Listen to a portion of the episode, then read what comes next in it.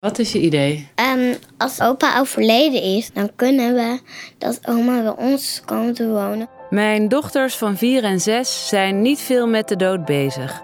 Maar af en toe komt er eens een bijzondere vraag of een heel praktisch idee naar boven. Dan maken we een driedubbel stapelbed. Want dan kan oma onder, Puk in het midden en dan kan ik boven. Heel goed idee. We proberen het niet te zwaar te maken, de naderende dood. Ik lees boekjes met mijn kinderen. Ze kunnen de gekste vragen stellen en ik verstop me niet als ik eens moet huilen. Geen idee of het goed doen of niet, maar dit is wat voor ons goed voelt. En daar varen we maar op, op dat gevoel. In deze aflevering hebben we het over afscheid nemen en vragen we ons als gezin af of er nog dingen zijn, mooi of moeilijk, die we tegen elkaar willen zeggen. Ik ben Eva de Visser en dit is Een aangekondigde dood. Aflevering 5. Have I told you lately? Mijn vader en ik zitten in de achtertuin van mijn ouderlijk huis. Hij is heel hard achteruit gegaan de afgelopen weken. Heel snel, heel moe. Ik kan niet zo heel veel doen of ik ben uitgeput. Maar verder ben ik niet ziek en niet misselijk en niet weet ik het wat. Maar de desoriëntatie blijft ernstig. Ja. Hoe uitzicht dat? Nou, ik sta nu in de tuin wat onkruid te plukken. Dan draai ik me om en dan weet ik niet meer waar ik ben. En als ik hier de straat uitloop, weet ik ook niet meer waar ik ben. Dus ik ben uh, Google Maps kwijt. Helemaal.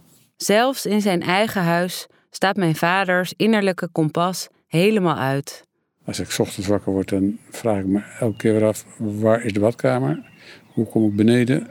Hoe kom ik van de kamer naar de keuken of van de keuken naar de kamer enzovoort? Na ons gesprek schuifelt mijn vader vanuit de tuin naar binnen. Hij loopt voorzichtig. Aan de ene kant omdat hij geen grote stappen meer kan zetten, maar ook omdat hij onzeker is. Steeds weer moet bedenken waar hij is.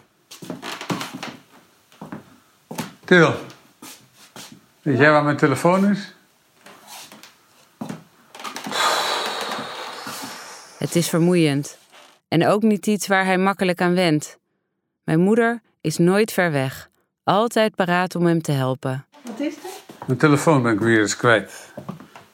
Ook voor haar is het vermoeiend. Al doet ze het met oneindig veel liefde en geduld. Zal ik even bellen? Ja, doe dat maar. Mijn ouders, mijn zusjes en ik, we merken dat er een nieuwe fase is aangebroken. Mijn vader laat het leven steeds meer los. Wij golven achter hem aan met alle gevoelens die daarbij horen. Het loslaten en vasthouden kleurt onze dagen. We proberen ons zo goed mogelijk voor te bereiden op wat gaat komen. Dat doet ieder op een eigen manier, in een eigen tijd en vanuit een eigen gevoel. Maar we praten als gezin ook veel met elkaar. Zoals wanneer een goede vriend van mijn ouders voorzichtig heeft geopperd of mijn vader orgaandonatie wil overwegen. De kanker zit in zijn hoofd, niet in de rest van zijn lijf. Als we met zijn vijf in de tuin zitten, vertelt mijn vader hoe dat werkt. Het gaat over meer dan alleen de principiële vraag of je donor wilt zijn of niet. Die vraag is voor mijn vader niet zo moeilijk te beantwoorden. Dat wil hij in theorie. Maar de praktijk is minder simpel. De organen moeten uit een levend lijf gehaald worden. Wat zou betekenen dat mijn vader niet thuis kan sterven. Levend de deur uit, ik maar zeggen. Oh ja? Dat wist ik niet. Ja, Ik vind dat best wel heftig, eerlijk gezegd. ja nou daarom. Mijn vader wil eigenlijk thuis sterven, maar twijfelt ook. Als je de laatste zucht naar thuis doet of uh, in het ziekenhuis. Nou ja, wel misschien. Voor jou misschien niet, maar voor ons. Ja, voor jullie. Ja, maar ik snap ook wel van dat ik het een heel mooi idee zou vinden als de hele van papa nog voortleven in iemand anders. Ik vraag of we niet eerst goed moeten uitzoeken of er überhaupt wel interesse is in de organen van mijn vader. Als dat niet het geval is, dan hoeven we niet langer na te denken over dit moeilijke vraagstuk. En blijft mijn vader gewoon thuis. Maar ja, papa is wel echt nog helemaal ge- gezond. Behalve die tumor in zijn hoofd. Mijn zusje vraagt naar mijn moeders gedachten. Ja, mijn eerste reactie was dat, dat eh, wil ik niet. Eh, zie ons gewoon in een bepaalde vrede eh, om een bed heen. En we hebben het daar al moeilijk genoeg mee. En dan is er reuring. Reuring van weg en terug. Maar het feit dat papa er het niet afgewezen heeft, denk ik van. Dus hij ziet er wel wat. Je ziet er wel wat in. Mijn moeder denkt dat orgaandonatie het laatste stukje van het proces kan verstoren. Al vraagt ze zich ook meteen af of dat niet egocentrisch is van haar. Maar is dat zo? Is het niet in deze fase juist zo belangrijk om de dingen te doen die bij je passen? Orgaandonatie is mooi en belangrijk, daar zijn we het over eens. Maar zal het het afscheid van mijn vader niet nog zwaarder maken? En kunnen we dat wel aan? We zijn er nog niet over uit. We besluiten het wat tijd te geven en antwoorden te verzamelen op de vragen die we nog hebben. Het gaat echt gebeuren, Eve. Ik hoor het mijn vader weer zeggen. Gek genoeg realiseer ik me nu pas, nu ik zelf zoveel meer nadenk over dat laatste stukje van mijn vaders leven, dat hij daar zelf al veel langer geleden mee begonnen is. Ik moet denken aan een gesprek dat we maanden geleden voerden met arts Sander de Hosson. Sander zet zich in om meer bekendheid te krijgen voor de laatste levensfase. Een werkelijkheid die op dat moment voor mij nog heel ver weg was. Zal ik botox nemen, pap? Nee, joh, geen. Waarom niet? Nee, ja. Nobody is perfect. Mijn vader en ik zijn aan het wachten op ons gesprek met Sander. Nee, niet een strakker. Nee, joh, geen. Moet niet horen. Hoi Sander. Hoi. Ja, hey. Hoi. Mij? Ja, zeker. Hallo, dag Sander. Hoi. Ik ben Pieter. Sander vertelt ons dat er vroeger veel minder aandacht was voor de laatste levensfase, maar dat dat sinds een aantal jaar veranderd is, gelukkig. In Nederland begeleiden we patiënten veel beter tegenwoordig en vragen we dingen als: Waar wil je sterven bijvoorbeeld? Hoe wil je sterven? We hebben het over het feit dat we als maatschappij zo moeilijk kunnen accepteren dat het leven toch weinig maakbaar is. En ook dat we niet willen erkennen dat er grenzen zijn aan de moderne geneeskunde. Als ik het gesprek met Sander terugluister, hoor ik pas hoe concreet mijn vader toen al bezig was met dat laatste stukje. Wanneer eh, weet je dat je aan je laatste fase bezig bent? Weet je dat wanneer je een diagnose hebt gekregen, wanneer ben je palliatief aan het behandelen? Wa- wat, wat voor fases zijn er? Sander legt uit dat er twee fases zijn: de palliatieve fase en de terminale fase. We spreken over palliatieve zorg op het moment dat je ongeneeslijk ziek bent. Deze kan heel kort zijn, maar kan ook heel lang duren, soms wel tientallen jaren. De terminale fase is echt het allerlaatste stukje. De Nederlandse Federatie voor Kanker heeft het over maximaal drie maanden. Sander geeft aan dat het echte stervensproces ongeveer twee weken voor het overlijden begint. Als je gaat sterven, dan treden een aantal belangrijke patronen op. En het belangrijkste is dat mensen niet meer gaan eten en drinken in die fase. Dat is eigenlijk heel, heel kenmerkend eh, in de laatste twee weken van het leven. Het eerste wat stopt is, eh, is de eetlust en eh, de, de zin om, om vocht tot zich te nemen. En vervolgens zie je een aantal andere patronen opstaan. Hè. Met name eh, mensen krijgen vaak verminderde output van hun hart. Hè, dus krijgen circulatievlekken. En dan weet je als zorgverlener het sterven is begonnen. En er treden nog heel veel patronen op. Eh, en dat is de stervensfase.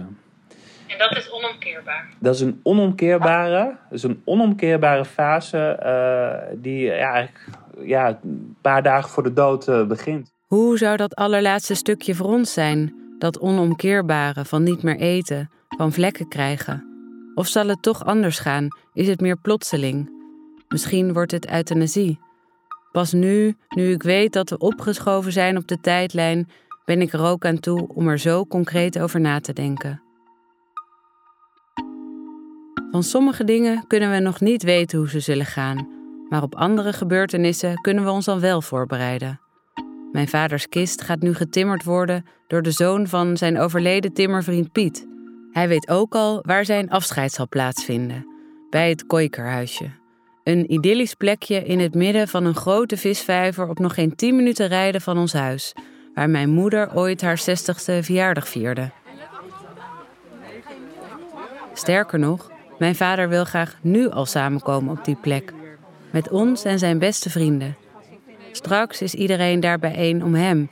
Op deze manier kan mijn vader zich daar een beeld bij vormen.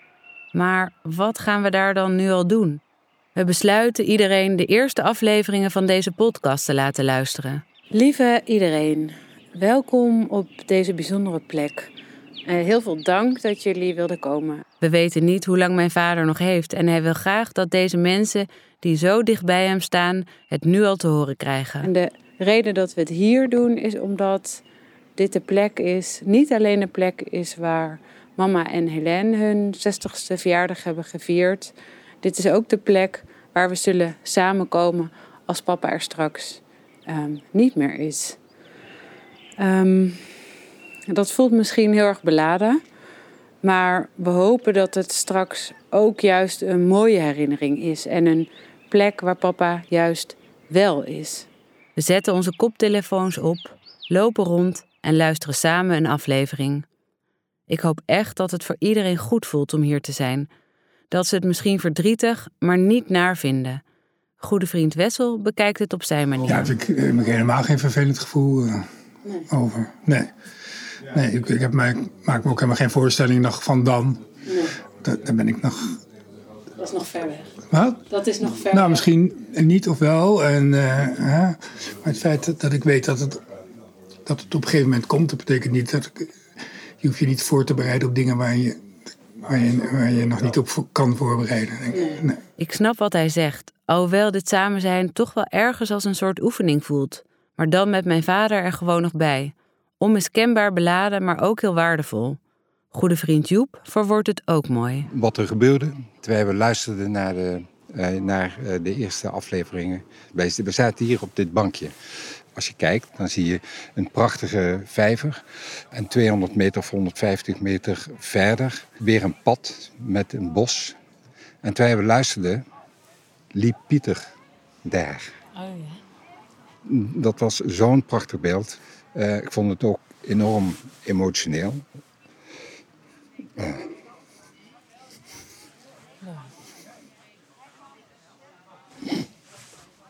Kortom. Ja. ja. Kortom, een prachtige plek. Ja. Het is een prachtige plek. We praten na en omhelzen elkaar. Mijn vader schuifelt door de menigte heen op zoek naar zijn glaasje. Hij zelf heeft er ook een goed gevoel aan overgehouden. En fijn om te weten dat we daar in de toekomst misschien elkaar nog een keer ontmoeten, hoewel ik daar dan niet bij ben.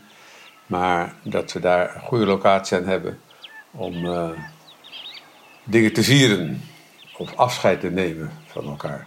De chemo en de bestraling die mijn vader een jaar geleden kreeg, hebben de tijd misschien even stilgezet. Maar nu tikt hij genadeloos door. Hij krijgt nog wel chemopillen, maar is erg moe hij fietst niet meer alleen, hij kan de weg niet meer vinden. Zijn korte termijn geheugen verslechtert. We zien het en passen ons aan, met de zorg en alle gevoelens van liefde en machteloosheid die daarmee gepaard gaan. Ik zelf merk dat ik behoefte heb gekregen om met mensen te praten die misschien al wel verder zijn dan ik, wiens ouder er helemaal niet meer is, niet bijna niet meer is, zoals bij mij. Daarom ontmoet ik Lisanne van Zadelhof. Zij is journalist en schrijft veel over rouw. Ze schreef zelfs een boek naar aanleiding van het overlijden van haar moeder. Ik wil eigenlijk vooral van haar weten of ik nu alvast wat kan doen om de pijn straks te verzachten. Ik ging daar ook naar, naar zoeken hoe dat moest dat rouwen om iemand voordat diegene dood is. Want ik dacht, dan heb ik al mooi een gedeelte gedaan. Binder dan net, weet ja, je, dat zo, idee. zo zit ik ook een beetje in. Ja, en ik, en ik dacht, je kan maar niet, weet je, je kan maar niet, eh, je kan er beter eerder bij zijn dan dat je achter de feiten aan gaat lopen. En toen ging ik googlen op voor rouw. Het bestaat echt. Het, dat heet anticiperende rouw. Je kunt na een diagnose, zoals die van mijn vader, al door dezelfde stadia van rouw heen gaan als die na het overlijden van een dierbare. Ik was wel al een beetje aan het afscheid nemen, omdat ik ook zag dat mijn moeder het leven niet meer kon leven zoals zij dat, dat altijd deed. Ik zag mm. haar, ze was juf en ik zag haar schooltas heeft gewoon uh, die acht maanden lang in de gang gestaan. Niemand durfde hem aan te raken of op te ruimen. Want dat was dan definitief zo van, zij gaat niet meer naar haar werk. Mm. Want hij stond altijd daar. Dan ging ze dan de volgende dag, s ochtends om uh, half acht, weer de deur uit met die tas. Ja. Um, en zelfs, weet je, zelfs er, er flesje water zat daar nog in. En dat was allemaal onaangeroerd gebleven. Dat is zo symbool geworden um, voor dat mijn moeder haar leven al kwijt was voordat ze stierf. Hmm. En dat laat dus ook gewoon zien dat er al rouw omheen kan hangen. Ja, precies. Het is een schrijnend beeld, die tas. Voor ons zijn mijn vader sportspullen het pijnlijke symbool dat het proces van afscheid nemen is begonnen. Volgens Lisanne kan iedereen rouwen. En iedereen doet het ook.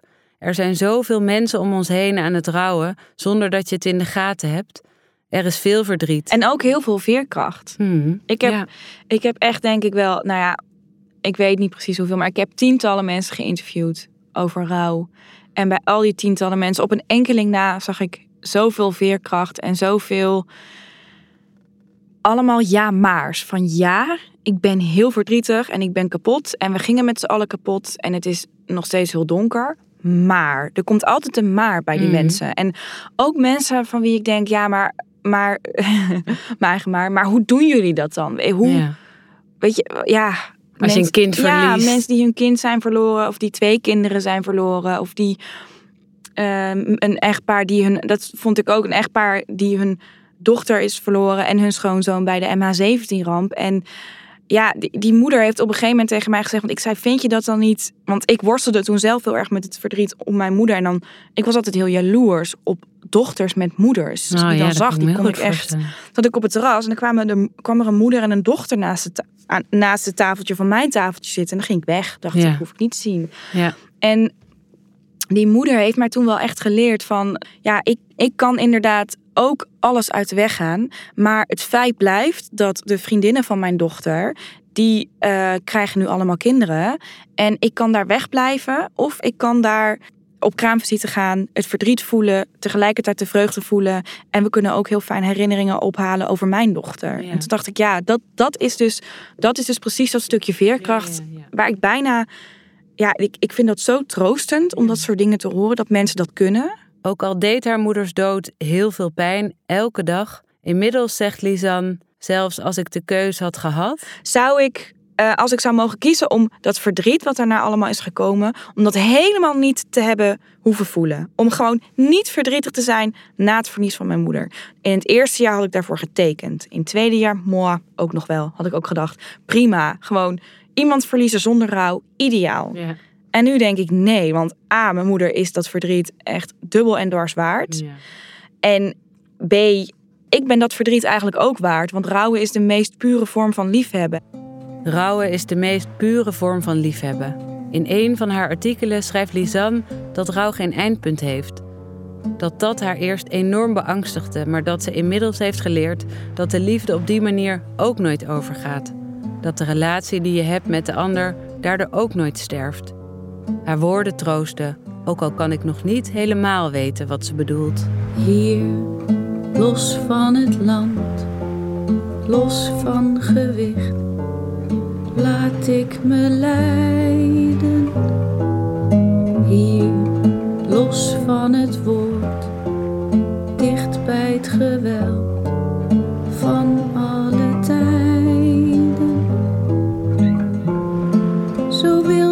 je klank, zo rijk is je lied. Soms dring je me door, soms hoor ik het niet. Als ik in het weekend met mijn zusje Marre naar Brabant rijd, vraag ik haar of er nog dingen zijn die ze zou willen vragen, voordat de nieuwe verslechtering het mijn vader misschien onmogelijk maakt om daar nog goed op te reageren. Marre haalt een gesprek aan met mijn vader tijdens de vakantie in Frankrijk. Toen we dus over het strand liepen, toen zei ik tegen papa van... Oh ja, ik heb de hele tijd het idee dat ik je nog van alles moet vragen. Maar ik weet eigenlijk niet zo goed wat ook. Want ik heb ook het idee dat we heel veel al besproken hebben. Van er... Ja, er is, er is niet iets waarvan ik denk... Ja, en waarschijnlijk komt, of zal het vast en zeker nog komen... Van dat je dan opeens, als het niet meer kan... Dat je dan opeens denkt... Ik heb hetzelfde. We hebben ons hele leven lang veel gepraat met elkaar, dus ik weet niet zo goed wat er nog onbeantwoord is. Ik vraag Marre of ze nog kritisch op onze vader kan zijn. Nou, ik merk nu, nu die ziek is en misschien er bepaalde karaktereigenschappen verder uitvergroot worden. Waar je vroeger misschien ook wel aan kon storen. Dat, ja, dan nu denk je van ja, dat is de ziekte. Die, of, ja, het is ook, hij is ook niet meer helemaal 100% natuurlijk de oude. Dus tegen wie zeg je dit? Dat is helemaal niet hoe mijn vader het wil, dat we hem anders zien of behandelen. Maar we kunnen niet meer boos worden als hij te snel uit zijn slof schiet. Het liefst willen we de vertrouwde familieruzies met hem maken. Hem ongegeneerd corrigeren. Maar daar zijn we nu voorbij. Hallootjes. Ontvang hem met een warme applaus. Hoi. Hallo, hallo. Oh, mooi. Oh, Hoi, hoi, hoi, hoi. Bij binnenkomst in Veghel hou ik mijn hart weer even vast.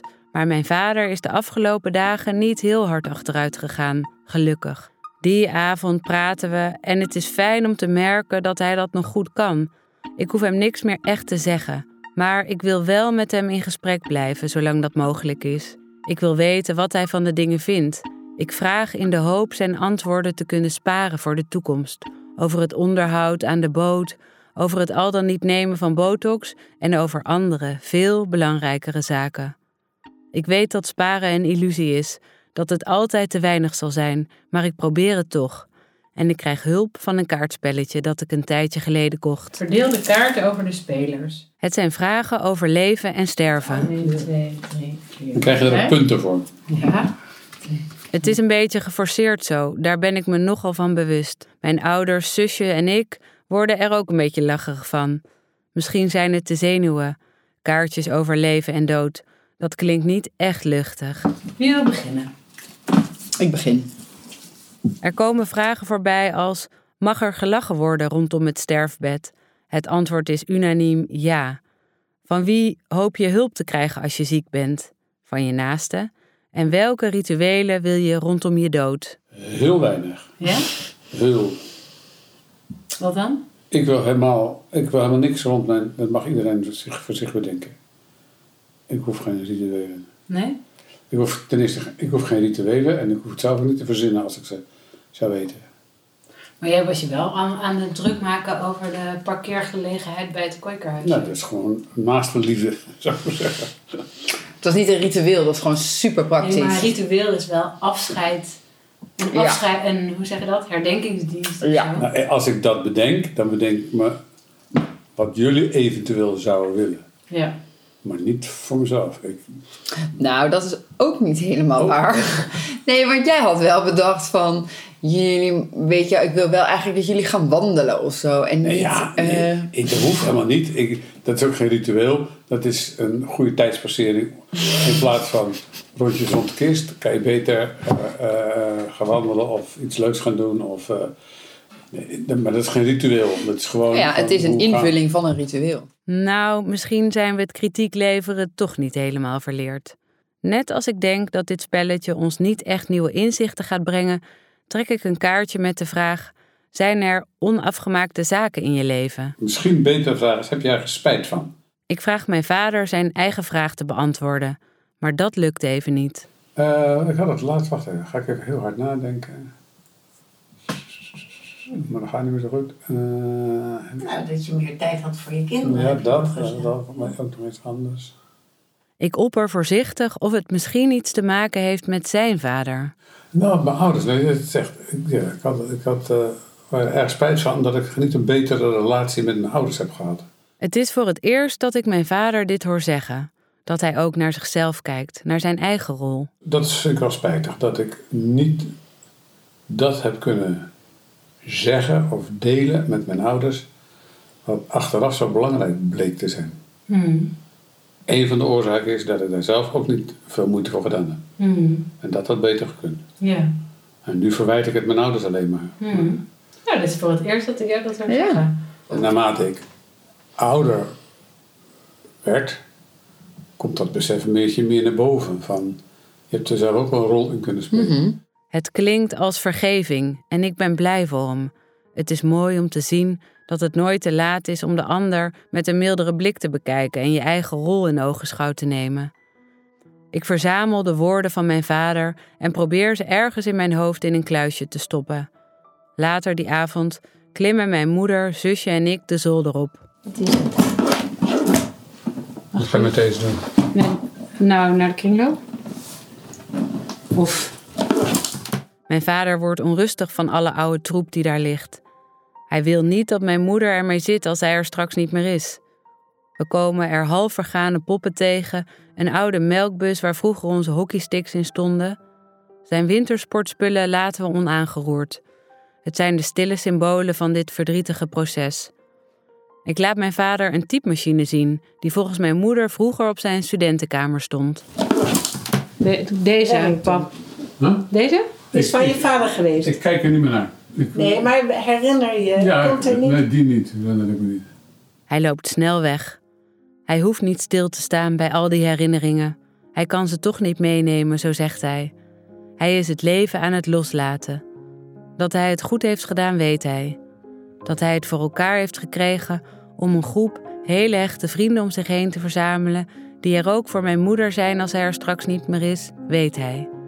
Dat hij ons, samen met onze moeder, heeft opgevoed tot drie evenwichtige vrouwen die toegegeven soms wel zijn chagrijnige trekjes hebben, maar die in staat zijn om van anderen en van zichzelf te houden, weet hij.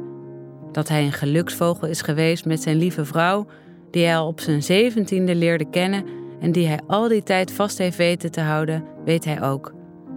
Misschien weet hij nog niet dat we hem straks horen in het slurpen van het Friese water, hem zien in de besneeuwde bergtoppen van de Alpen of in de ogen van onze kinderen, maar dan weet hij dat nu. Dit is voorlopig de laatste aflevering van deze podcastreeks. Ik ga de aankomende tijd zonder microfoon bij mijn vader zijn. Deze aflevering sluiten we af met nog een nummer van Rod Stewart. Ik heb het altijd een heel mooi liedje gevonden. Ehm, een fan van Rod geweest. En toen we hier met al dit gedoe bezig waren, toen kwam ik ook al tot de conclusie dat mama een beetje ondergesneeuwd werd. En alle aandacht die er voor mij was. En dat mama zo de best doet om het voor mij allemaal goed te maken. Dat ik dacht van, heb ik, ben ik daar wel genoeg dankbaar voor? Ben ik, eh, weet ze dat ik dat heel erg waardeer? En toen hoorde ik dit liedje, of toen wist ik dat dit liedje er was. En toen plopte dat op. En toen zaten we een keer, daar was jij bij geloof ik, zaten we een keer in de kamer, mama en ik op de bank. En toen werd het liedje, toen moest ik ontzettend huilen. En weer, als ik dit hoor, dan denk ik, ah, Ja. kan het niet genoeg vertellen, kan het niet genoeg. Nou, het is een beetje ja, een poging om uit te drukken hoe dankbaar ik er ben. En hoe, hoe veel van ik er hou. Have I told you lately that I love you? Have I told you there's no one else above you? Fill my heart with gladness, take away all my sadness, ease my troubles, that's what you do. For the morning sun and all its glory greets the day with hope and comfort too. You fill my life with laughter, and somehow you make it better. Ease my troubles, that's what you do. There's a love that's divine, and it's yours and it's mine, like the sun.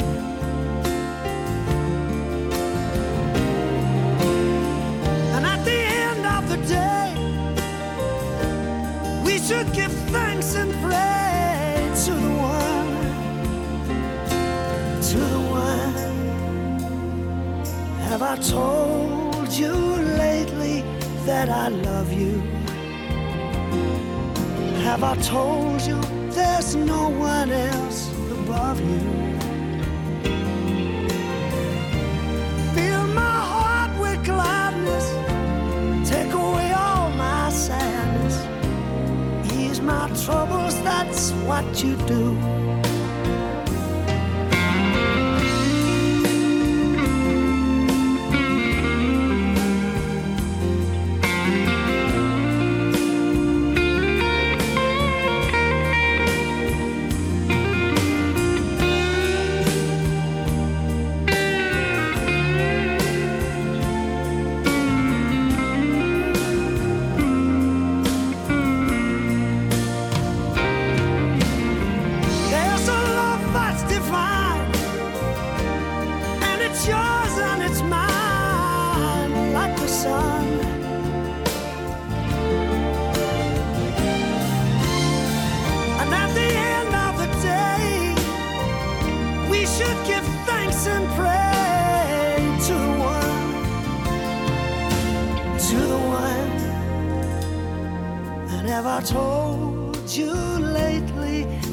I love you.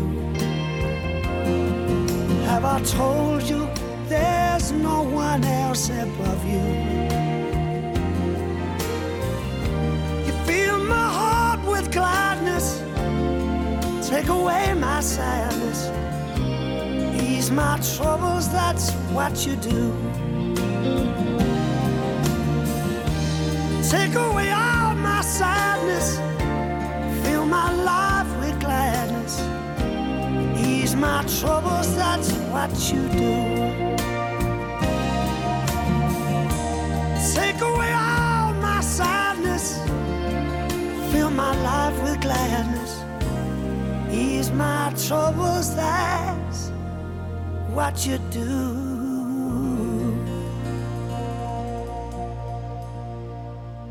Deze podcast is mede mogelijk gemaakt door KWF.